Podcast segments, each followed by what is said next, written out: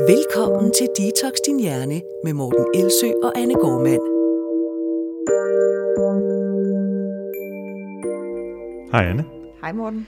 Anne, tidligere i dag der havde du besøg af journalist og debattør Ida Rud.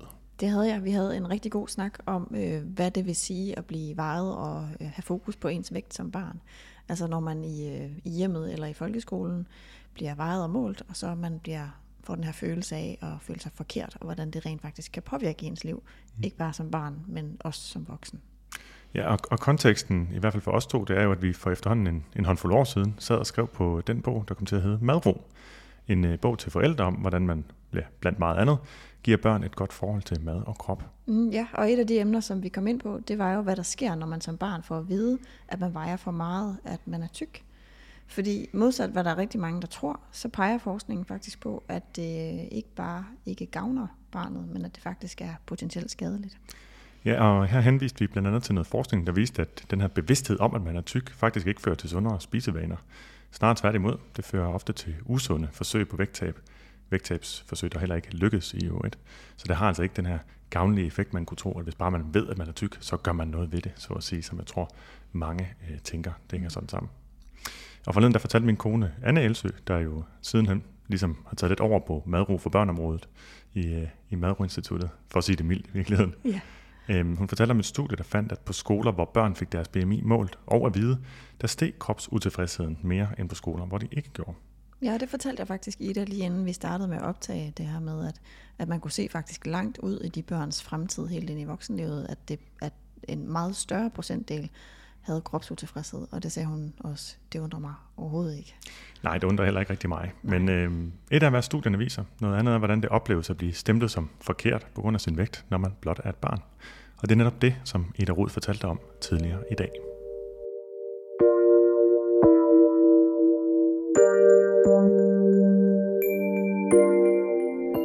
Hej Ida. Hej Anne. tak fordi du ville være med i dag.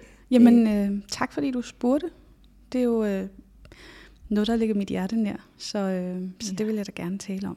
Jeg har glædet mig rigtig meget, også fordi at du faktisk er en af de første, øh, jeg kan huske, som tog det her emne op på en måde, hvor at, øh, jeg tænkte, der er en, der har fat i noget her. Er det rigtigt? ja, øh, og jeg har vel læst efterhånden alt, hvad du har skrevet om emnet, og også dine egne oplevelser, men dem kunne jeg godt tænke mig, at lytterne også skulle have med. Så øhm, inden vi går til at snakke om alt det her omkring, hvordan du har oplevet at blive vejet, og hvad det har sat sig af spor i dig, hvordan du har oplevet, at folk har fokuseret på din vægt, øhm, så vil jeg egentlig gerne bare lige, at du præsenterer dig for lytterne, fordi selvom jeg tror, at alle ved, hvem du er, så kan det jo være, at der er nogen derude, der ikke gør. Og jeg har jo mange hatte. Altså, jeg hedder Ida Rud, og jeg er 41. Jeg er uddannet journalist og arbejder også som journalist på øh, Troldspejlet, øh, som laver sådan noget nørde tv og radio podcast. Så øh, er jeg radiovært på P6 og P8. Men jeg tænker, at grunden til, at jeg sidder her i dag, det er fordi, at jeg for lidt over fem år siden var aktuel med en dokumentarserie på øh, DR3, øh, Hedengangen DR3, som hed Tykke Ida, som øh, et par år senere blev fuldt op af en dokumentarserie, der hed Idas Fede Fat Camp. Og den første handlede om mig som tyk kvinde, som prøvede at gøre op med stigmatisering og, og sætte fokus på, at altså, det er ikke, jeg er ikke et, et frygteligt grådigt, uintelligent, dovent menneske, bare fordi jeg er tyk. Og øh, så inviterede jeg så nogle øh, kvinder med til USA, hvor der er sådan noget, der hedder Fat Camp, som er ikke en lejr, hvor man skal tabe sig, men en lejr, hvor man er sammen med andre tykke kvinder og kan slappe lidt af i sin krop og måske tage badetøj på for første gang i mange år. Og derudover så har jeg været aktiv i debatter, skrevet kronikker og indlæg til medierne, deltaget i, i tv-indslag. Jeg har droslet lidt ned for det, men, øh, men når jeg bliver spurgt, så, øh, så plejer jeg at sige ja, fordi at jeg synes, det er meget vigtigt det her. Og jeg ved, at jeg kan formulere mig på en god måde, som, øh, som folk ikke altid lige afviser. Ja, det er også mit indtryk.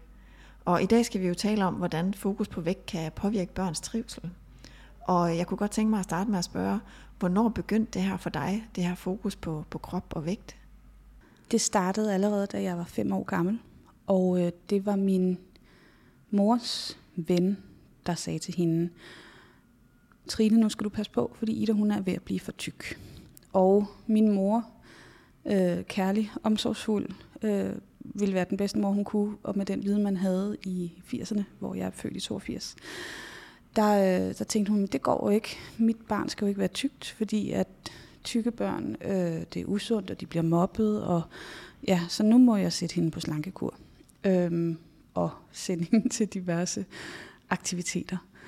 Og indtil da, så havde jeg sådan en vildt sovløs barndom. Altså mine, mine første år heldigvis var bare altså, ren idyll.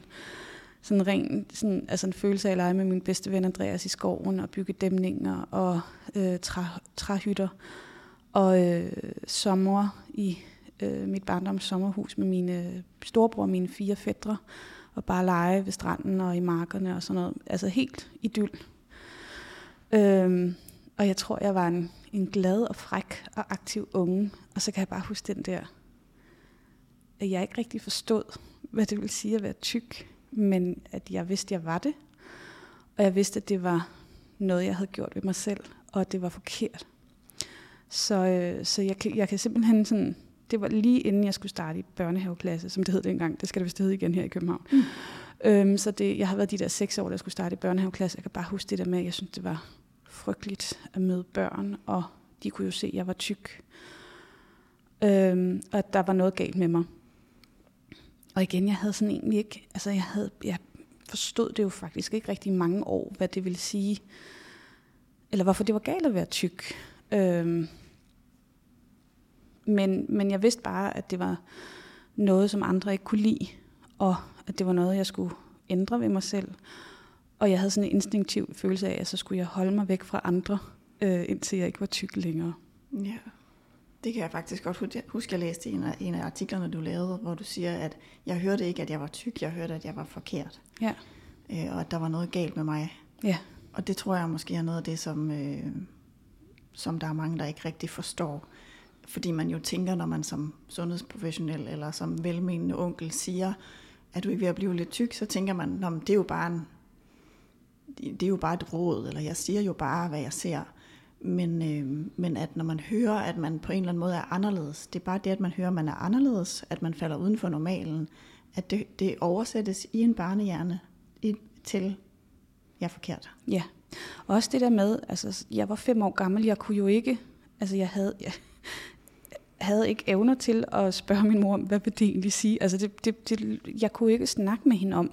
Altså jeg kunne ikke tage en diskussion om, det er jeg da ikke, eller sådan noget, fordi at jeg tog jo alt for pålydende, og, og netop sådan det der med, bare tog det ind, og, og troede, at det var mig, der var forkert, og det var min egen skyld alt sammen. Øhm, så, så det var sådan en, jamen, en surrealistisk ting, som bare gjorde mig virkelig ulykkelig, og, øh, og gjorde, at jeg isolerede mig fra, fra alt faktisk. Hvordan, altså, hvordan isolerede dig? Var, var du mere alene, eller trak dig for jeg, dig selv? Jeg, jeg fandt... Øh, altså, jeg trak mig ind på mit værelse konkret og læste bøger, øh, hørte musik, så fjernsyn, da jeg fik fjernsyn. Øh, altså, det var virkelig sådan, jeg havde ikke lyst til at være sammen med andre. Nej. Altså, dårligt nok min egen familie. Og det er jo faktisk også noget af det, vi hører, når man, altså i forhold til, når man bliver vejet ved sundhedsplejen, at, at nogle gange så bliver der fokus på vægten, og at det, at man føler sig forkert, gør, at man isolerer sig. Og så er det lige pludselig ikke et vægtproblem, hvis det nogensinde havde været det, så bliver det et trivselsproblem i forhold til ens sociale liv, som er langt, langt værre end noget, man nogensinde kunne have spist, kunne have gjort. Ja, mm, altså, og jeg spiste jo bare det samme, som min familie gjorde, men jeg havde en storebror, der var fire år ældre end mig, og han øh, var i største del af sit liv en streg i luften. Han var tynd og spinkel og bleg, og jeg var rund og trivelig og, og mørkhåret. Så vi var sådan diametrale modsætninger, og jeg kan bare huske sådan det der absurde i, at fordi han ikke var tyk, så måtte han spise Nutella-madder på saftigt franskbrød med smør under og kæmpe lag. Han fik Coco Pops med kakaomælk på, fordi han kunne ikke få det sødt og nok. Og jeg måtte sidde der med min øh, Kellogg's cornflakes med skummet mælk, og, og altså måtte jo ikke få kulhydrater sådan særlig meget, så brød var sådan ikke rigtig en ting. Og sådan, og sådan den der forskelsbehandling, hvor at, jeg satte, satte ikke sådan rigtig spørgsmålstegn ved det. Nej. Men, men jeg synes, det var enormt hårdt, og jeg tror helt sikkert, det har været grundlag for, at jeg så også udviklede øh, en spiseforstyrrelse. Jeg, jeg blev jo øh, meget tidligt spiseforstyrret og overspiste. Mm. Øhm, ja, jeg kunne finde på at tage en, en skefuld sukker, når der var nogen, der kiggede væk og gik på rov i min mormors øh, sengebord. Øh, hun havde et lille værelse hos mine forældre, og der havde hun altid lakridser eller sådan voksenslik, og jeg kunne ikke lide det, men det var bare sådan den der følelse af, at jeg var nødt til at have et eller andet. Ja. Øhm, og, det, og det tror jeg netop var sådan den der, altså jeg måtte ikke, jeg måtte ikke få sovs på maden, når de andre fik det. Og sådan. Det var ikke stringent, det var ikke, det var ikke fordi min mor var sådan benhård hele tiden, men det var sådan i perioder, at og nu skal vi lige passe på, og nu skal I, må I da ikke spise det samme som os andre og sådan noget. Mm. Og nu er vi to nogenlunde fra den samme tid. Så jeg kan godt huske det der med, at det var helt normalt, at så var man lige på en uge på kur som familie, eller så var der en suppekur, eller så talte man om, nu skal vi ikke have fedt, eller nu skal vi ikke have sukker. Og jeg tænkte heller ikke over det dengang, og tænkte også bare, nå ja, men det er jo bare sådan, det er. Men det fik jo i hvert fald plantet et budskab om, at, øh, at øh, tyk det er nok noget af det værste, man kan være. Så det gælder bare om for enhver pris, uanset hvordan, hvor nydelsesløst dit liv så bliver, øh, og hvor sulten du skal gå og være, så er det det værd. Og det er jo med et stærkt øh, budskab at plante i et barn. Ja. Og når du siger det her med, at, at det nok har skubbet til din spiseforstyrrelse, så ja, det kan, kan jo være svært at vide. Men vi ved i hvert fald fra, fra forskningen i forhold til børns forhold til mad, at hvis man siger, at der er noget, man ikke må få, men det så faktisk er tilgængeligt for andre. Altså man for eksempel sætter kage frem og siger, øh, det må du ikke tage af. Så øh, er man med til at skabe sådan et hyperfokus, hvor man bliver mere food cue sensitiv. Altså man kan godt have en medfødt øh, food cue sensitivitet, hvor man er bare sådan naturligt glad for mad og søger det meget, og sådan, hvis det er i omgivelserne, så er man meget optaget af det. Og så er der nogen, der ikke er det så meget. Men man kan også få det tillært. Øhm, og en af de måder, man virkelig kan tillære børn, den her virkelig overdrevet food cue sensitivitet, eller reaktivitet bliver det så faktisk til, det er ved, at man laver forbud, øhm, og særligt når noget er tilgængeligt. Og især hvis, hvis andre i flokken godt må få det, og man ikke må. Mm. Så det, det, når, når du siger, det kan være, det har skubbet til det, så tænker jeg, ja, yeah, det tænker jeg umiddelbart også, at Ja. det har. Ja, det, men det, det tror jeg helt, fordi at jeg ved ikke, hvor det skulle være kommet fra. Og det var netop den der smugspisning til at begynde med, og så ikke nok med, at det var smugspisning, men det var også bare at spise så meget, som jeg kunne, af det, jeg nu end havde fået fingrene i, mens der ikke var nogen, der kiggede. Ja. Øh, så så det, det startede bare den cyklus, og det der med at gemme. Hvis min mor havde købt et, et brød, øh, et franskbrød øh, fra bageren, og stjæle hele brødet, og, og øh, smide posen væk på en eller anden måde, gemme den nederst i skraldespanden, eller langt ind under min seng, og madras, eller sådan et eller andet, og så bare simpelthen spise et helt brød, altså uden noget, fordi at det skulle bare, jeg skulle bare op på værelset, og så bare sidde som en anden hamster og proppe Ja. det i mig. Øh, og min mor sådan var sådan lidt, gud, jeg troede, jeg havde købt et brød, når jeg må have glemt det, altså Ja. et eller andet sted, ikke? Øhm, fordi det var, ikke, det var ikke det der med, jeg kunne ikke bare tage en skive, eller sådan noget. Det skulle jo netop være alt eller intet på en eller anden måde, fordi så kunne hun på en eller anden måde tro, at, der var, at det var hende, der havde gjort et eller andet forkert. Men hvis der lige pludselig manglede et halvt brød, så ville, så ville hun jo vide, at der var nogen, der havde spist af det. Ikke? Ja, kreativt. Mm, Ja. ja. ja, jeg blev meget kreativ på den måde. Men det er sjovt, du siger det her med hamster, ikke? fordi jeg har lige holdt foredrag i går, øh, forgårs i Odense, omkring cravings, og det her med at have en meget, meget stærk madtrang, og have behov for at spise rigtig meget på én gang. Øh, og en af de fire ting, som er nøglestenen i, hvorfor det sker, det er det, man kalder, øh, altså i psykologien kalder for hamstringseffekten. øh, og det er, når der er en eller anden form for psykologisk utryghed omkring, kommer der mad igen? Vi kan se den hos børn, der er opvokset under øh, i krig eller fattigdom, og så bliver ældre og har adgang til mad, at den der psykologiske utryghed omkring mad, den er enormt stærk. Men det, der så er så vildt, det er, at den kan også udløses, når der er stor tilgængelighed af mad, men at det bliver forbudt. Altså, at man ikke kan være tryg med, hvornår kan jeg få lov at spise det her igen. Mm. Jeg kan se, at min bror kan spise det hele tiden, men jeg ved ikke, hvornår jeg får lov. Og jeg ved, at om få dage, så kan det være, at der kommer en lang periode, hvor det her bliver helt forbudt. Så den utryghed, der er i, får jeg nydelse igen, får jeg mad igen, kommer det her igen, udløser et, øh, jamen, i, i virkeligheden et instinkt Ja. i forhold til at beskytte sig mod hungersnød, som er, så skal jeg godt nok også fylde kinderne hurtigst muligt. Men altså, det som jeg synes var så absurd for mig dengang, var netop sådan det der med, at jeg spiste ting, jeg egentlig ikke brød mig om, alene fordi det var forbudt. Altså fordi det var noget af det, jeg ikke måtte få, fordi at det var slik, for eksempel. Og så skulle jeg bare have det, altså koste hvad det ville. Ja, men, det, men ud fra, altså fra et, sådan et helt grundlæggende adfærdspsykologisk synspunkt, så giver det helt, Ja. helt god mening, at du reagerede sådan, og at vi alle sammen reagerer sådan. Ja. Jeg kan også huske det. Jeg har også, øh, jeg har også været, øh, hvad skal man sige, der hvor at vi måtte kun få Nutella en gang om året, og, og honningen den stod et sted, hvor man ikke kunne få fat i den, fordi ellers spiste vi den med ske. Altså det var også bare alt. Var, hvis bare det var det mindste sødt sukkerknaller og sådan noget, så, Ja. skulle, det bare, så skulle det bare have det. Så, og det er bare for at sige, det, Ja. det er alle, Ja, der, jamen, der det- kan reagere sådan. Jamen det tror jeg også, altså ja. Øhm, nej, så det, det, var, det var surrealistisk. Altså mad var helt klart sådan en, en stor ting af min, i min barndom. Altså det fyldte jo bare alt. Fordi at jeg ikke måtte få det. Ja. Og så talte du også om det her med, at så, fordi der var fokus på det, så følte du dig forkert.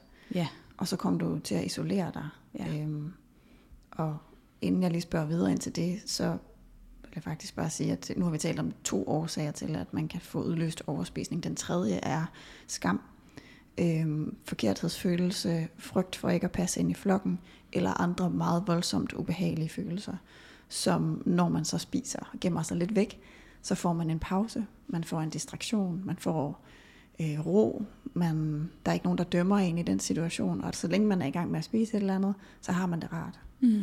Og ens hjernes vigtigste funktion, det er jo at sørge for, at man har det godt. Altså lige nu, ikke?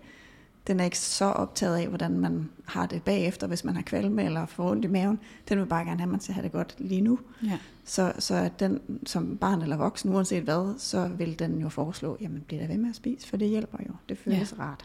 Det genkender jeg virkelig også, og især fra da jeg blev altså ældre og også flyttet hjemmefra, og netop havde sådan de der overspisningsperioder, hvor at det var det, der gav ro. Også fordi jeg tit blev så udmattet, så jeg sov efter, jeg havde haft sådan et orgie, et madorgie. Så var det ligesom, okay, får jeg ro fra det her, og så kan jeg sove, og så skal jeg ikke forholde mig til nogle andre ting. Det var, sådan, det var virkelig sådan en flugt fra, fra alt det svære.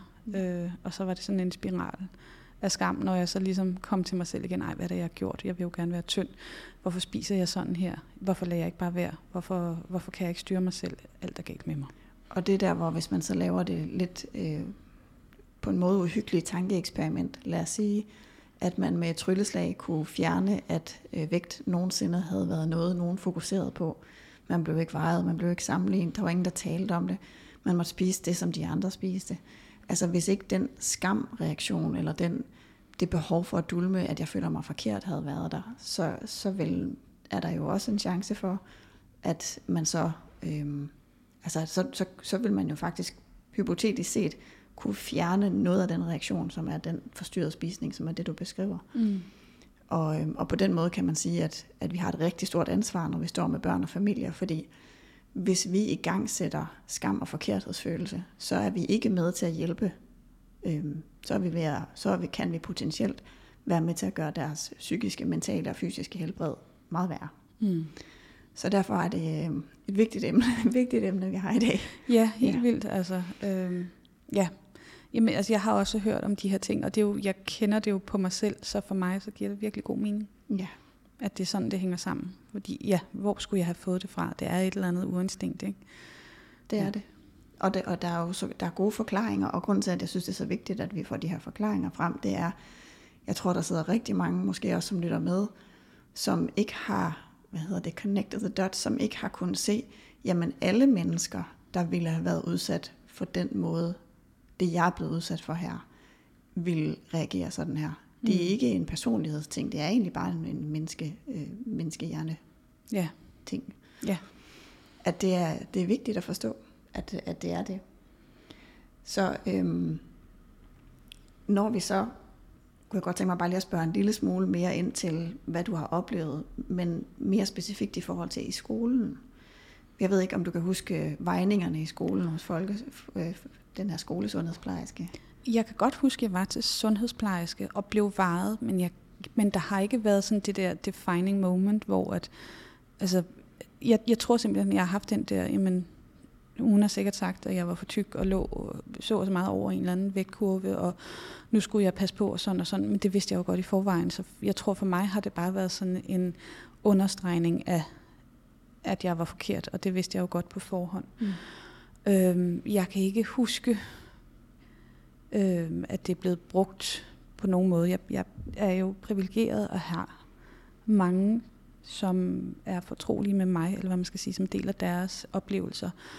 Og jeg ved jo for mange, at det er startet til vejning hos sundhedsplejersken, at de har fået, for, fået at vide der, at de var forkerte, eller at deres vægt er blevet brugt i en matematikklasse. At så skulle alle eleverne stille, stille sig frem og sige, hvor meget de vejede hos, hos, øh, hos sundhedsplejersken, og så blev der simpelthen lavet øh, gennemsnit, og hvem var max, og hvem var mindst, og altså, så man blev udstillet på den måde også. Og det kan jeg huske i forhold til, til højde, at vi gjorde. Øh, jeg kan ikke huske, om vi gjorde det med vægt. Jeg mm. tror simpelthen, det der med vægt er noget, jeg sådan har blokeret. Ja. Altså sådan, når det kom sådan andre steder fra. Eller det, det var der bare altid, så det, jeg tror ikke, at det, har, at det skiller sig ud, hvis der har været den der snak om det. Nej. Jeg lagde mærke til på din øh, Instagram-profil på et tidspunkt, at du skrev ud, om der var nogen, der havde oplevelser med det her, som de ville dele. Og den øh, kom jeg til at læse ret mange af i går aftes, og kunne nærmest ikke falde i søvn af ondt i maven, fordi det er jo helt vildt at høre. Og, og det, som slog mig, var faktisk ikke så meget det, altså dem fra vores generation, der fortæller om, hvordan det er sket, fordi helt ærligt, ingen vidste bedre. Øhm, det bliver jeg, jeg, jeg har i hvert fald behov for at tilgive dem, der, der ikke vidste bedre dengang. Men det jeg næsten ikke kunne bære, det var, at folk beskriver, at de har deres børn med nu til dags, og at så de får nogle af de samme ting at vide. Mm. Hvor der var en, der skrev, øhm, at hun havde haft sin datter med, og så havde sundhedsplejersken sagt, at datteren var for tyk, og så havde hun virkelig gjort alt, hvad hun kunne for at sige, det skal vi ikke snakke om nu. Hun havde prøvet at tale engelsk til den her øh, fagperson, for at sige, hey, det her det er faktisk, og vedkommende var bare fortsat. Øhm, og at, at det der med at få at vide, jamen nu skal I til at holde lidt øje med hende. At, at det stadig eksisterer er jo, øh, altså det er jo, det er jo en, det er en stor skud at vende, men øh, det, gør, det gør bare ondt at vide, når vi, er, når vi egentlig er så langt, som vi faktisk er i forståelsen af, hvad det betyder for et barns sociale og psykiske liv, ja. at det så ikke er for længst udryddet. Og det er jo ikke, altså, det er jo ikke kun, hvis et barn øh, ligger over vægtkurven, det kan også være under, at det, det kan jo også give den der følelse af forkerthed. Øh, og det er bare sådan lidt, det er jo, det er jo for pokker ikke det, vi skal kigge på, når vi kigger på, om et barn har det godt eller ej. Er de sociale? Er de glade? Øh, fungerer de i skolen? Har de venner? Er, er, de, er de aktive med fodbold eller spejder eller øh, kor eller hvad det kan være? Ikke? Altså, og det, det kan jeg overhovedet ikke huske at blive spurgt ind til på noget tidspunkt. Altså det var bare, det var bare netop sådan det der meget sådan benhård facts. Hvor høj er jeg? Hvor meget vejer jeg? Hvad, hvad størrelse sko bruger jeg? Og alt det andet, var, det var fuldstændig ligegyldigt. Og det er nemlig skræmmende at høre, at det stadigvæk er sådan, det fungerer. Ja, og jeg ved, jeg ved af, hvad skal man sige, erfaring, at der også er rigtig mange, der har vendt det fokus og spørger meget mere ind til trivsel. Øh, jeg kender sundhedsplejersker og læger, som ikke taler om vægt, og hvis der er en meget hurtig vægtstigning, øh, de kan se, og de har en bekymring, betyder det, at der noget trivsel, der ligger under her? Er det en metabolisk sygdom? Er det, når det går så stærkt? Hvad betyder det?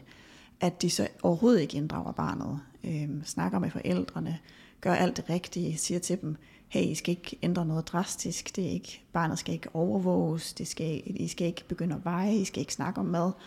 Øh, det er jer, der, ligesom, der har ansvarsrollen her, I skal ikke mm. lægge det over på barnet på nogen måde.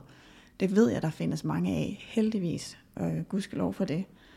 Men, øh, men, men selvfølgelig er der stadig øh, selvfølgelig er der stadig en praksis, som har rødder langt, langt tilbage, og der er noget af det her tilbage. Hvis man nu tænker tilbage på, på, på den tid, og nu kan du så ikke huske helt præcist, hvordan det var, men hvis du kunne, hvis du kunne ønske dig, hvordan det skulle være, altså for, for fremtidige børn, også for dit eget, nu er du jo gravid, mm. hvordan, hvordan kunne du tænke dig, at det skulle være for, for dit barn og for de næste? Altså jeg ved det sådan set ikke øh, rigtigt, fordi jeg synes på en, en, på en eller anden måde, at der er sådan en form for overgreb i, at et fremmed menneske skal snakke med et barn og vurdere deres trivsel ud fra en samtale. Det synes jeg et eller andet sted, der er noget grundlæggende underligt i, at, fordi hvad nu hvis det er et genert barn, eller sådan et eller andet, øh, altså, og, som ikke får sagt de ting, altså ikke får svaret i gåsøjne rigtigt på spørgsmålene, øh, vil det så definere øh, deres fremtid? Altså vil der så blive sat bål og brand i gang, og åh oh, nej, der er et barn her, der mistrives, og sådan... Øh, jeg synes i virkeligheden, at det skulle være sådan måske en lang øh, samarbejdsting med forældre, med lærere, som har daglig kontakt med de her børn, og så måske nogle sundhedsprofessionelle på en eller anden måde, hvor det bliver mere udramatisk og mere hverdagsagtigt, at, øh, at jamen, så bliver man varet, hvis det er vigtigt at have de tal øh, for nogle statistikker. Det, det, det, det tror jeg er en af, af, af hvad hedder det, bevæggrundene for, at man vejer børn og, og måler deres højde, for ligesom at finde ud af, jamen, bliver vi højere, lavere, tykkere, bredere, whatever, tyndere i Danmark, øh, statistikting. Og det har man jo nok en interesse i af en eller anden årsag, som jeg ikke helt begriber. Men altså, det, det er jo for, for at se, hvordan var det for 50 år siden, har vi udviklet os siden dengang, ikke? Jo, det er det. Og så er der også en, øh, der er også en indikatorfunktion, og den, øh, den rammer ved siden af øh, langt det meste af tiden. Så man kan godt diskutere, om det er den, hvis det skader, om det så er det værd.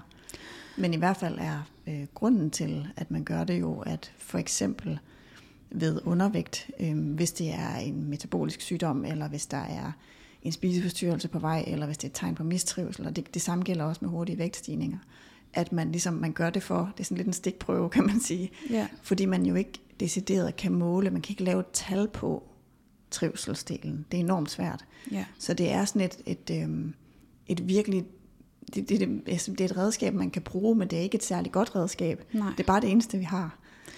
Men det er også det, jeg tænker, at altså, jeg husker det som en årlig begivenhed i begyndelsen af skoleåret, når så, så skulle man ned til sundhedsplejersken, og jeg ved ikke, om det var mere jævnligt. I virkeligheden, så tror jeg måske, der kunne, det kunne blive sådan lidt afdramatiseret, hvis det var noget, man gjorde en gang om måneden, eller sådan, så var det bare den første mandag i, i, i måneden, så skal man ned til sundhedsplejersken. Så, så det ikke er noget farligt, og ikke noget, der bliver diskuteret om, og hvor man ikke får de der tal at vide, men så det netop bliver brugt til at holde kontrol med de her ting, og der så bliver snakket blandt de voksne, uden at børnene bliver inddraget. Men jeg er da selv sådan en, der tænker, at jeg er ikke sikker på, at mit barn skal til sundhedsplejerske, Nej. øhm, skolesundhedsplejerske. Det kan godt være, at jeg træder det valg på forkant og siger, at det, det skal mit barn ikke ud, fordi jeg ikke selv er til stede. Altså det synes jeg, jeg synes, det, det lyder som et stort overgreb, det der med, at der er en fremmed voksen. En ting er skolelærer, som jeg tænker, man har en, en tillid til, eller, eller ej, så skifter man vel skole, hvis det er muligt. Øhm, og ellers går hos sin egen læge. Altså Mm. den, som, som man kender, og forhåbentlig igen også har tillid til. Altså, jeg tænker, at tillid er meget en stor del af det. Øhm, Ja, og og når du siger det, så får det mig faktisk til at tænke på, dengang min, nu begge mine er blevet ret store efterhånden, men øhm, at, at jeg kan huske, at jeg tænkte, det er underligt, at de siger, det er meget vigtigt, at man er med til deres tandlægebesøg. Men der er ingen, der snakker om, at man man skal med til sundhedsplejersken. mm. Øh, og ved tandlægen er det, jamen, det, kan, det er jo fordi, man siger, jamen, det kan jo godt være utrygt. Ja, men det kan det andet jo også. Ja, det tænker jeg i hvert Ja. fald. Altså, øhm, så, så jeg synes, det er en, jeg synes, det er en praksis, man måske skulle tage op til genovervejelse, eller i hvert fald tænke over, gør vi det på den bedste måde? Ja. For jeg kan jo også godt se, altså det er jo ikke alle forældre, der er ressourcestærke, og der kan jo desværre være øhm, problemer, som der skal, selvfølgelig skal, skal fanges, eller skal sådan opdages, øhm, så, så børn ikke altså, tager skade. Øhm, men forhåbentlig er det så få tilfælde. ja.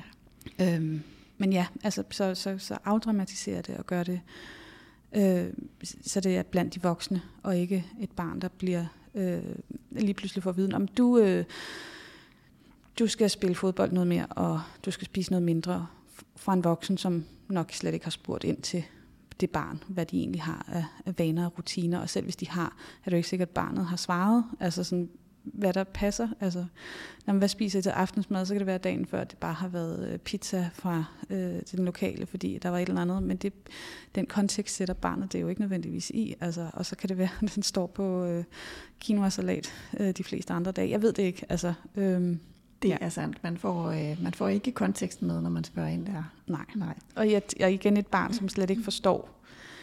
Hvis, altså nu som voksen, jeg, jeg forstår jo at sætte det ind i en, en, en, et perspektiv, perspektiv og, og sådan, jamen, altså, hvis jeg overvejer min diæt netop sådan, jamen, altså, er det alle dage, jeg spiser pizza? Nej, det er indimellem, fordi at det, jeg går ikke ind for forbud. Øhm, men ja, det forstår et barn jo måske ikke, at barn snakker måske også om sådan, husker måske pizza, fordi at det er en livret eller sådan noget, ikke? Mm. Jeg ved det ikke. Nej. Vi har sådan et, øh, et emne, som vi underviser i, når vi uddanner øh, sundhedsplejersker og folk fra julemærke hjem osv. Vi har noget, der hedder madrumetoden. Øhm, og der er der et punkt, der hedder fra fokus på vægt til fokus på trivsel, som lige præcis handler om, jamen hvis ikke vi skal fokusere så meget på det vægttal, hvad er det så, vi skal spørge ind til? Hvad er det, vi skal kigge på? Mm. Er barnet socialt? Øh, kommer det hjem og er glad? Eller isolerer det sig på værelset alene? Er det et barn, der øh, har interesser, hobbies, er ude at leve livet, Øh, spiser alt muligt forskelligt, både pizza og burger, men også quinoa, salater og broccoli, er det, er det et barn, som øh, altså kan fungere i en normal hverdag, fordi så ved vi, at, at vægten er jo et meget, meget lille, en meget, meget lille del af det samlede sundhedsbillede for et menneske. Ja. Og alle de andre ting betyder langt mere. Altså, at et barn, der kan lide at bevæge sig, betyder langt mere. At et barn, der sover godt om natten, betyder langt mere. At et barn, der er roligt og ikke ængstligt, øhm, både for det fysiske og det mentale helbred, betyder langt mere, end, mm. end, end hvad man vejer. Så derfor er det underligt jo. Føles det underligt, at der skal være så stort et fokus på det? Ja, men jeg, jeg kan også huske, da jeg som stor teenager læste Den Lille Prins første gang, hvor der var sådan en historie om en, en dranker, der sidder på en lille planet, som den lille prins møder, og jamen, hvorfor drikker du? Jamen, det gør jeg, fordi at jeg er ked af dem. Hvorfor er du ked af dem? Det gør jeg, det er jeg, fordi jeg drikker. Og den lille prins flygter. Jeg kan bare huske sådan, den der følelse af, jamen det er jo sådan, jeg har det. Men også bare sådan den der, altså da jeg så igen blev endnu ældre, sådan, hvorfor var der ikke nogen, alle snakkede om, at Ida var tyk. Men der var ikke nogen, der snakkede om, hvorfor er Ida tyk? Altså sådan, eller der blev ikke sådan, jamen, hvorfor er det I, der spiser de her ting? Hvorfor er det I, der ikke har lyst til at, at gå til, altså hvorfor er det I, der går til badminton og så stopper efter en periode, fordi at, at, at hun ikke kan følge med, eller hvad, at, ligger der noget andet bag? Øh, frem for bare sådan ligesom at sige, om Ida er tyk, så derfor så skal hun på kur og dyrke motion fem dage om ugen. Øh, men der kunne også være, der var noget andet, der lå bag, og det er sådan noget, sådan jeg senere tænkte, hvorfor var der ikke nogen, der spurgte ind til det? Fordi jeg var jo bare så ked af det. Ja, og det, det eneste og desværre sande svar er jo nok, at der var simpelthen ikke fokus på det, men man vidste det ikke. Altså min mor, øh, altså min mor var sådan en primær omsorgsperson, fordi det min far arbejdede, og han, jeg kan huske, han var sådan lidt, jamen det er bare valbefedt. I der går fra det, altså. Det, jeg, jeg synes, I, I snakker for meget om den der vægt. Og jeg kan huske, at jeg blev vred på ham, fordi at det var jo, det fyldte jo alt i mit liv, og han på en eller anden måde altså underkendte de problemer, jeg havde, og den sorg, jeg stod i med at være tyk. Men jeg synes jo faktisk senere hen, at han havde fat i den lange ende, og hvis der bare, hvis vi nu bare ikke hele tiden snakkede om, at Ida var tyk, og skal hun, skal hun begynde til det her, og skal hun prøve den her diæt, skal hun prøve de her piller, øh, skal hun på julemærke hjem, hvad skal hun, hvad kan vi gøre? Altså alt handlede om, at Ida skulle være tynd øh, i min familie. Øh, og hvis nu vi havde gjort som min far, bare havde tænkt, nu, nu slapper vi lige lidt af med det der, og så ser vi, hvad der sker. Mm. Det tror jeg havde været, været en god ting.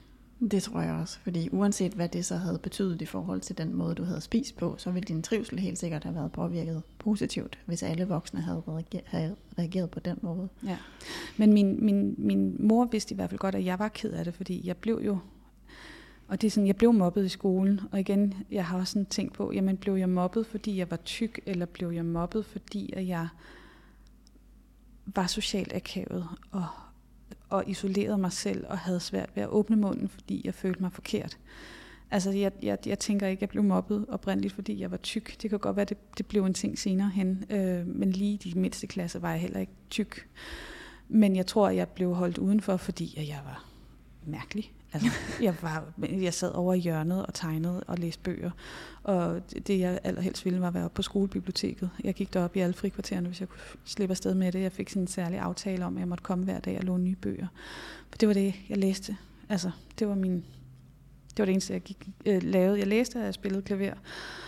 Så øh, ja, det var meget, øh, jeg havde hobbyer, men det var sådan nogle solo-hobbyer. Ja, og det er sjovt, for det rammer egentlig også et punkt, som er, er grund til, at i, tilbage i tiden, at der jo er mange, der har haft den her holdning til, jamen vi skal jo øh, begrænse den her vægtstigning. Altså den ene er det her langsigtede fokus i forhold til, at der er en lille risiko for, at man bliver svært overvægtig, hvis man allerede har tendenser til det i barndommen, og med meget svær overvægt. Og det er altså meget højere op, end folk tror, øh, at man skal, for at det kan give sådan reelle fysiske problemer. Øh, ellers er det mere inaktivitet, der er et problem. Ja. Men, øh, men det er derfor, man jo ligesom, det er derfor, man kigger på det, det er derfor, man, man overhovedet siger noget. Men, øh, nå, det, nu tabte jeg lidt tråd, men det, det, det jeg egentlig bare vil sige, det var, når vi så i gang sætter det her maskineri af, at sundhedsprofessionelle kigger på det, forældrene kigger på det, alle, alle zoomer ind på det her som et problem, så er vi i virkeligheden i gang med at skabe et nyt problem. Eller forstærke et problem. Og det er det, vi skal indse, det er, at, at øhm, for at vi ikke skal forstærke eller skabe et problem, der faktisk ikke var der lidt, eller hvad din far sagde, så er vi nødt til at kigge på, at vi skal stoppe med at kontrollere, vi skal stoppe med at overvåge, vi skal lade være med at have fokus på vægten. Vi skal tale om, at alle kroppe er gode, som de er. Vi skal sige, at menneskekroppe er smukke, menneskekroppe er fantastiske. Alt det vi kan. Vi skal gøre alt, hvad vi kan, for at det her skam og øhm, skyldfølelse kan komme væk, og at vi alle sammen kan blive enige om, at det ikke er det, det, er ikke det vigtigste. Mm. Og så skal vi samtidig kunne rumme og beskytte dem, som øhm, er i risiko for at udvikle en så stor krop, at de ikke kan bevæge sig. Altså at de ikke kan øh, helt lavpraktisk kan tørre sig selv, eller ikke kan gå en tur, eller er i risiko for øh, alvorlige bivirkninger. Mm. Dem skal Ja. vi også beskytte, og det skal vi kunne rumme alle sammen på én Ja. gang. Jamen altså, det, det hjælper i hvert fald ikke at pege fingre af dem. Nej, det og, gør det ikke. Og give dem, altså, altså ja, hvis de, hvis de når dertil, øh, så skal man jo bare hjælpe dem. Altså, de har måske ikke fået hjælp tidligere, eller der kan være alle mulige årsager til, at det ender der. Øh, og det er der jo ikke nogen, der har lyst til, men, men altså, ja, man skal i hvert fald ikke pege fingre, og man skal bare selvfølgelig rumme dem. Selvfølgelig, altså, det, det skal vi jo med alle folk. Det skal vi. Jeg synes, vi er kommet rigtig godt omkring. Øhm, jeg har ikke så meget tilbage, jeg gerne vil spørge om, men, men jeg kunne rigtig godt tænke mig at høre, fordi vi her til august skal holde en uh, temadag sammen med Foreningen Spisestyrelser og Selvskade, og det er i forhold til, at øh, sundhedsplejersker og kommunalt ansatte og julemærkehjem og så videre kan komme ind og få noget inspiration til, jamen når vi nu er i den her situation, at vi skal veje børn, øh, som det er lige nu, hvordan kan vi så undgå, at vi gør skade? Hvordan kan vi undgå, at vi øh, skaber et problem, som ikke var der før, i forhold til skam og skyld og overfokus? Og hvordan klæder vi forældrene på? Altså, hvordan, hvad er vores rolle som professionelle, som ikke er at tale med barnet, men som du siger, det er at tale med forældrene om, hey, din største opgave er bare at elske dit barn, som det er. Det er det vigtigste, du kan gøre. Der er intet andet. Det næste, det er, prøv at lade være med at sige, at noget er rigtigt eller forkert at spise. Det er dig, der bestemmer, hvad der bliver sat på bordet. Hvis du synes, at der skal være et større udbud af noget end noget andet, så gør det, men du behøver ikke at i tale sætte det. Du behøver ikke at sige, vi skal spise det her for at være slanke, vi skal spise det her for at være sunde. Bare sæt det frem og sige, at det smager godt. Mm. Øhm, hvis der er et, øh, i forhold til bevægelse, at du tænker, at mit barn bevæger sig ikke nok, lad være med at sige, nu skal du motionere tre gange om ugen, fordi du skal ned i vægt, eller nu skal vi ud og løbe, så vi kan blive slanke, eller nu skal vi også tage i gang med at bevæge os, fordi vi er også ved at få lidt for meget på sidebenene. Lad være med det. Bevægelse er noget, man gør, fordi at det giver en glæde og energi. Det skal være en hobby, meget mere end det skal være en tvangsmotion. Så det bedste, du kan gøre, det er at støtte dit barn i at gå på opdagelse og gå på eventyr i, hvad kan jeg egentlig lide, hvor man helt naturligt bevæger kroppen. Er jeg sådan en, der elsker at bevæge mig til musik? Er jeg, er jeg sådan en, der bare gerne vil være i naturen og connecte med den og andre mennesker? Er jeg sådan en, der kan lide at udfordre, eller klatre, eller være på vandet? Eller... Fordi vi har brug for at flytte fokus væk fra, at det skal handle om, at man er forkert. Og hen på, at alt det vi ved, der gør, at man trives, det er, at man bevæger sin krop på måder, man godt kan lide, spiser varieret, og ikke føler skyld og skam. Det er slutmålet. Og det er det, der er vores opgave som professionelle, at hjælpe forældrene til at formidle videre til børnene. Ja. ja. Så når vi så skal holde den her temadag, som vi jo gerne vil, så søger vi jo input alle steder fra. Alt, hvad vi kan samle ind af erfaringer. Hvis der nu var en enkelt ting eller to, du tænker, det synes jeg i hvert fald er vigtigt, at I får formidlet. Hvad kunne det så være? Oh, det er et umuligt spørgsmål. Ja, det er så. jeg tænkte også, da jeg stillede. Jeg tænkte, hold ja. op, det er faktisk et stort spørgsmål. Ja, ja men det er virkelig.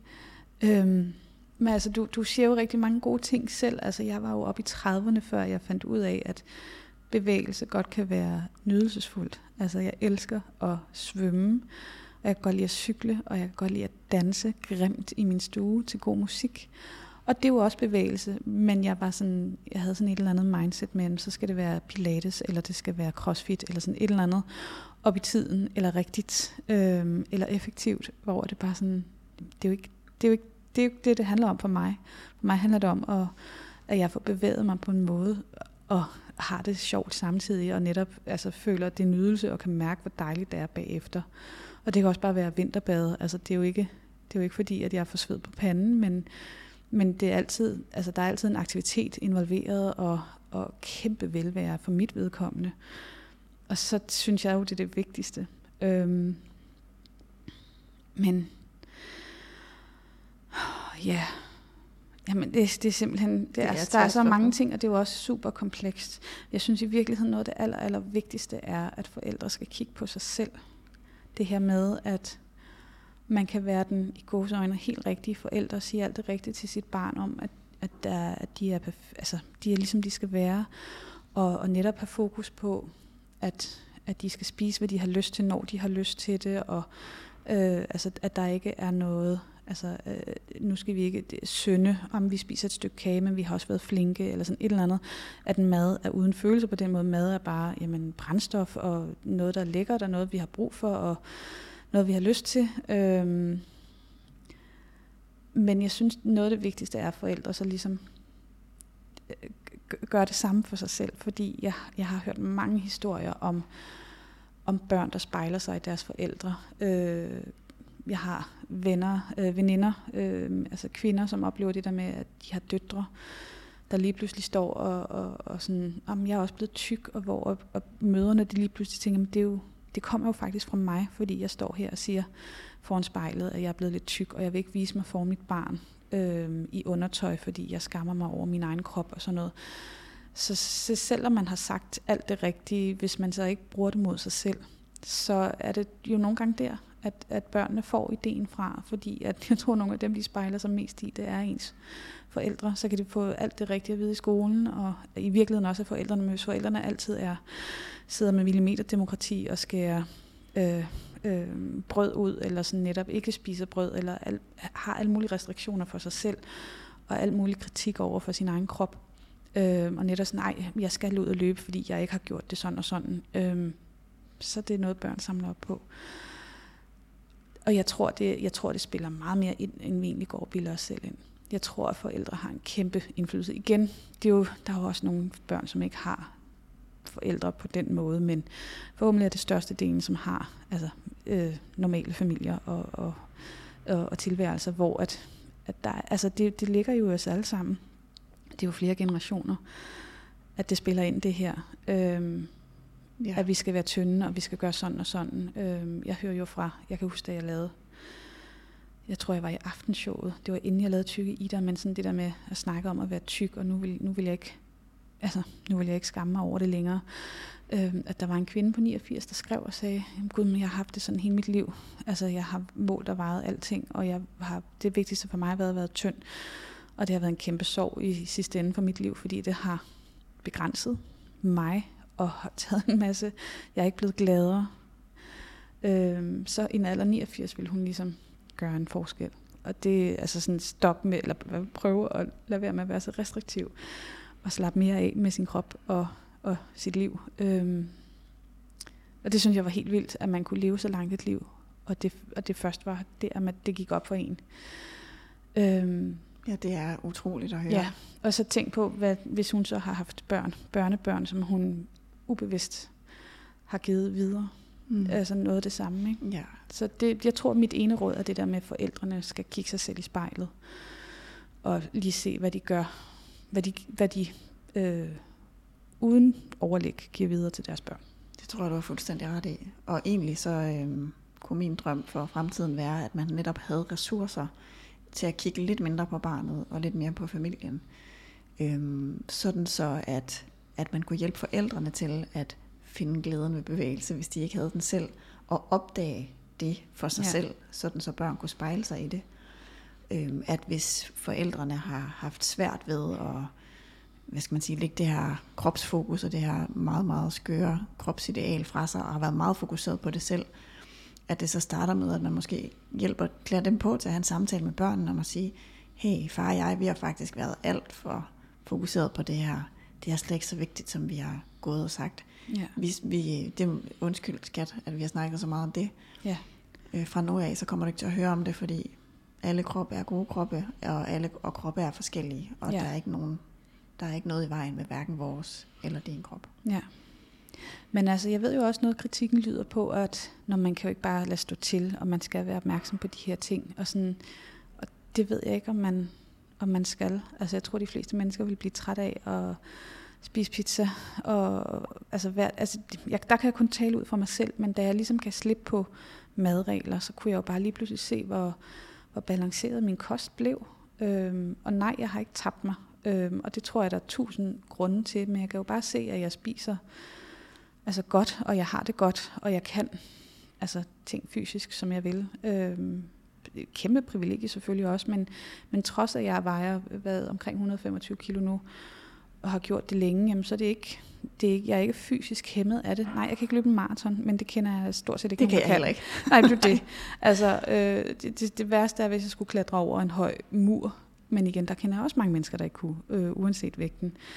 Øhm, ja, altså, jeg, jeg tror, at man, at man, altså det der med at sådan, i stedet mærke efter, hvad, hvorfor er jeg sulten nu?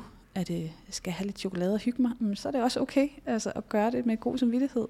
I stedet for, sådan, jamen, så må det kun være to stykker chokolade, eller jamen, spise så meget, man, man har lyst til. Jeg tror, hvis man jeg tror ikke, at man spiser en helt plade hver gang. Jeg ved det ikke. Altså, jeg kan i hvert fald bare se, at jeg lige pludselig har hele skabet fuldt med slik, fordi så har jeg købt det, fordi at jeg ikke har nogen regler.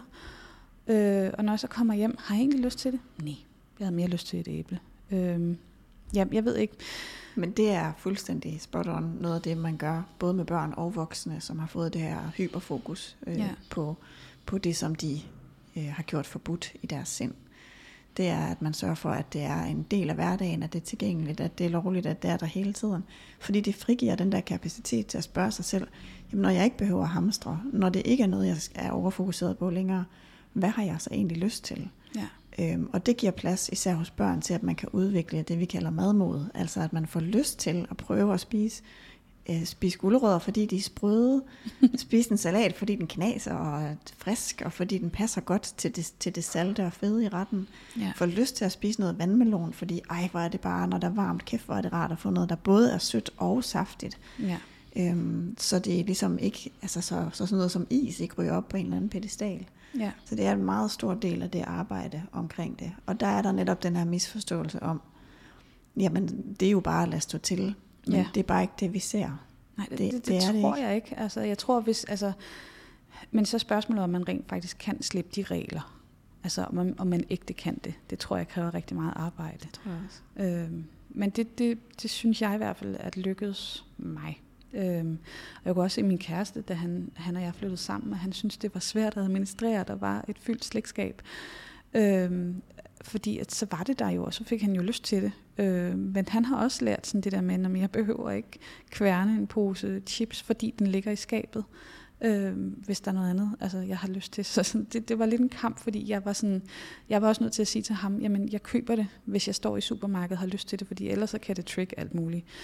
Og så er det ikke sikkert, at jeg har lyst til det, når jeg kommer hjem, og det kan være, at den, altså det, det, jeg smider jo, det er jo så ikke så økonomisk godt, men jeg smider rigtig meget slik ud, fordi at det simpelthen bliver for gammelt. Altså så har jeg spist to klikmix fra en Haribo-pose, og så var det lige ikke det, jeg havde lyst til.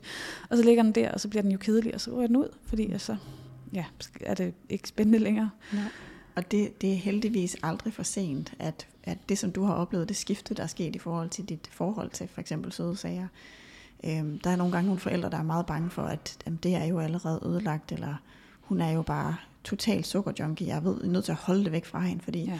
altså, de simpelthen er, har meget modstand på at gå ind i den proces, som du har været i. Men det vi ser gang på gang, det er, at det er det, der er vejen til, at man ikke er så øh, ja. hyperfokuseret, og man ikke får de her sådan tenderende overspisningsepisoder i ja. sit liv. Det er jo også noget, jeg har snakket med min kæreste om nu, hvor vi venter os en, en pige, og sådan det her med måltider, og med hvad man må spise og sådan noget.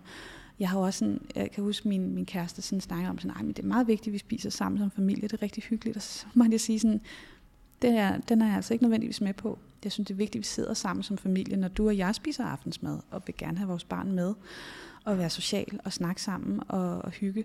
Men hvis hun ikke er sulten, så skal hun altså ikke spise der. Hvis hun var sulten en time før, så skal hun have noget at spise der. Og hvis hun bliver sulten en halv time efter, vi har rejst os fra bordet, så skal hun have noget at spise der. Men jeg vil ikke presse mm, altså mad tidspunkter ned over hovedet på hende, og du skal spise din blomkål, og du kan ikke bare sidde og spise kartofler, eller sådan. Det, det, det skal hun selv. Hun skal selv lære at respektere, jamen når jeg er sulten, så er jeg sulten, når jeg er mæt, så er jeg mæt. Ja, og det er hendes krop, der fortæller det rigtige. Ja. Det er ikke, hvad omgivelserne tænker og tror om, hvornår ja. man skal spise, der er rigtigt. Ja, og hvis hun har lyst til noget sødt eller noget salt eller sådan et eller andet, jamen så skal hun have. Og nogen, det er jo ikke fordi, at hun skal diktere, hvad hun får at spise hele tiden, men hun kan ligesom få nogle muligheder. Jamen så er der en riskiks, eller så er der en gulerod, eller der er, øh, altså et, hvad det nu end kan være, en banan, et stykke chokolade, eller sådan, hvad er det, du har lyst til? Og sådan, ja, så hun skal have de muligheder. Men altså, jeg ved jo ikke, jeg har jo ikke hende endnu, øh, til første efterår, hun kommer. Så jeg ved jo ikke, hvordan det bliver at implementere de her ting. Men det er i hvert fald noget, jeg sådan tænker over. Jeg håber, at hun, at hun lærer det. Altså aldrig nogensinde øh, altså, laver regler for, hvad hun må spise, og hvornår og hvordan. Det lyder i hvert fald til, at øh, du er godt på vej til at bryde den arv, som der har været desværre i generationer efterhånden. Mm. Med overfokus på vægt, overfokus på mad, regler for, hvad man må spise og ikke må spise, og hvornår man skal spise. Øh, en idé om, at man kan være forkert, fordi man spiser på en bestemt måde, eller ser ud på en bestemt måde. Det er det, som øh, må, må siges at være målet ja. fremad. Ja. Med, øh, med det som det afsluttende, for det synes jeg måske er, er, er en vigtig pointe, alt det du lige har sagt om, hvordan man skal kigge ind i fremtiden. Så vil jeg øh, sige tak for i dag. Det har været mega hyggeligt og inspirerende og dejligt at tale med dig. Jamen selv tak. Det var rigtig spændende. Tak fordi du ville være med. Du lytter til Detox Din Hjerne med Morten Elsø og Anne Gormand. Endnu en gang stort tak til Ida Rod for at ville dele sin oplevelse her i vores podcast. Desværre er den oplevelse langt fra unik. For øh, da vi to, Anne, sad på et hotel i Sønderjylland og forsøgte at få gjort madrobogen færdig, der spurgte jeg nemlig dem, der følger min Instagram-profil, om deres oplevelser med vejning hos sundhedsplejersken i folkeskolen. Og historierne var både mange og hjerteskærende. Det var det. Men uh, heldigvis så kan man godt arbejde med børns sundhed og spisevaner, og faktisk også vægt, uh, især forebyggende, uden at man nogensinde kommer til at gøre børnene vægtfokuserede, eller at få dem til at føle sig forkerte. Ja, og det kan man faktisk lære en hel masse om på madrometoden, vores uddannelse til alle, der arbejder med børns sundhed, spisevaner og træningsvaner. Man kan læse meget mere om madrometoden på madroinstituttet.dk. Og så er der vist kun tilbage at sige tak til dig, der lyttede med.